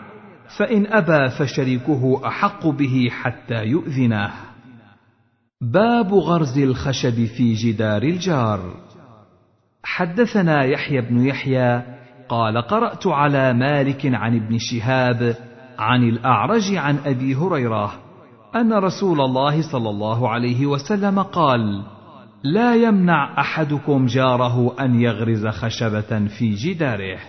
قال ثم يقول أبو هريرة ما لي أراكم عنها معرضين والله لأرمين بها بين أكتافكم. حدثنا زهير بن حرب حدثنا سفيان بن عيينة حا وحدثني أبو الطاهر وحرملة بن يحيى. قال أخبرنا ابن وهب أخبرني يونس حا. وحدثنا عبد بن حميد أخبرنا عبد الرزاق. أخبرنا معمر كلهم عن الزهري بهذا الإسناد نحوه. باب تحريم الظلم وغصب الأرض وغيرها. حدثنا يحيى بن أيوب وقتيبة بن سعيد وعلي بن حجر. قالوا حدثنا إسماعيل وهو ابن جعفر عن العلاء بن عبد الرحمن عن عباس بن سهل بن سعد الساعدي عن سعيد بن زيد بن عمرو بن نفيل أن رسول الله صلى الله عليه وسلم قال من اقتطع شبرا من الأرض ظلما طوقه الله إياه يوم القيامة من سبع أراضين حدثني حرملة بن يحيى. أخبرنا عبد الله بن وهب. حدثني عمر بن محمد أن أباه حدثه عن سعيد بن زيد بن عمرو بن نفيل أن أروى خاصمته في بعض داره فقال دعوها وإياها فإني سمعت رسول الله صلى الله عليه وسلم يقول من أخذ شبرا من الأرض بغير حقه طوقه في سبع أراضين يوم القيامة. اللهم إن كانت كاذبة فأعم بصرها واجعل قبرها في دارها. قال فرأيتها عمياء تلتمس الجدر تقول أصابتني دعوة سعيد بن زيد فبينما هي تمشي في الدار مرت على بئر في الدار فوقعت فيها فكانت قبرها. حدثنا أبو الربيع العتكي حدثنا حماد بن زيد عن هشام بن عروة عن أبيه أن أروى بنت أويس ادعت على سعيد بن زيد أنه أخذ شيئا من أرضها فخاصمته إلى مروان بن الحكم فقال سعيد أنا كنت آخذ من أرضها شيئا بعد الذي سمعت من رسول الله صلى الله عليه وسلم قال وما سمعت من رسول الله صلى الله عليه وسلم؟ قال سمعت رسول الله صلى الله عليه وسلم يقول من أخذ شبرا من الأرض ظلما طوقه إلى سبع اراضين فقال له مروان لا أسألك بينة بعد هذا فقال اللهم إن كانت كاذبة فعم بصرها واقتلها في ارضها قال فما ماتت حتى ذهب بصرها ثم بينا هي تمشي في أرضها إذ وقعت في حفرة فماتت. حدثنا أبو بكر بن أبي شيبة حدثنا يحيى بن زكريا بن أبي زائدة عن هشام عن أبيه عن سعيد بن زيد قال سمعت النبي صلى الله عليه وسلم يقول من أخذ شبرا من الأرض ظلما فإنه يطوقه يوم القيامة من سبع اراضين وحدثني زهير بن حرب حدثنا جرير عن سهيل عن أبيه عن أبي هريرة قال قال رسول الله صلى الله عليه وسلم لا يأخذ أحد شبرا من الأرض بغير حقه إلا طوقه الله إلى سبع اراضين يوم القيامة. حدثنا أحمد بن إبراهيم الدورقي حدثنا عبد الصمد يعني ابن عبد الوارث. حدثنا حرب وهو ابن شداد حدثنا يحيى وهو ابن أبي كثير. عن محمد بن إبراهيم أن أبا سلمة حدثه وكان بينه وبين قومه خصومة في أرض وأنه دخل على عائشة فذكر ذلك لها فقالت يا أبا سلمة اجتنب الأرض فإن رسول الله صلى الله عليه وسلم قال من ظلم قيد شبر من الأرض طوقه من سبع أراضين. وحدثني إسحاق بن منصور أخبرنا حبان بن هلال أخبرنا أبان حدثنا يحيى أن محمد بن إبراهيم حدثه أن أبا سلمة حدثه أنه دخل على عائشة فذكر مثله. باب قدر الطريق إذا اختلفوا فيه. حدثني أبو كامل فضيل بن حسين الجحدري. حدثنا عبد العزيز بن المختار. حدثنا خالد الحذاء عن يوسف بن عبد الله عن أبيه. عن أبي هريرة أن النبي صلى الله عليه وسلم قال إذا اختلفتم في الطريق جعل عرضه سبع أذرع.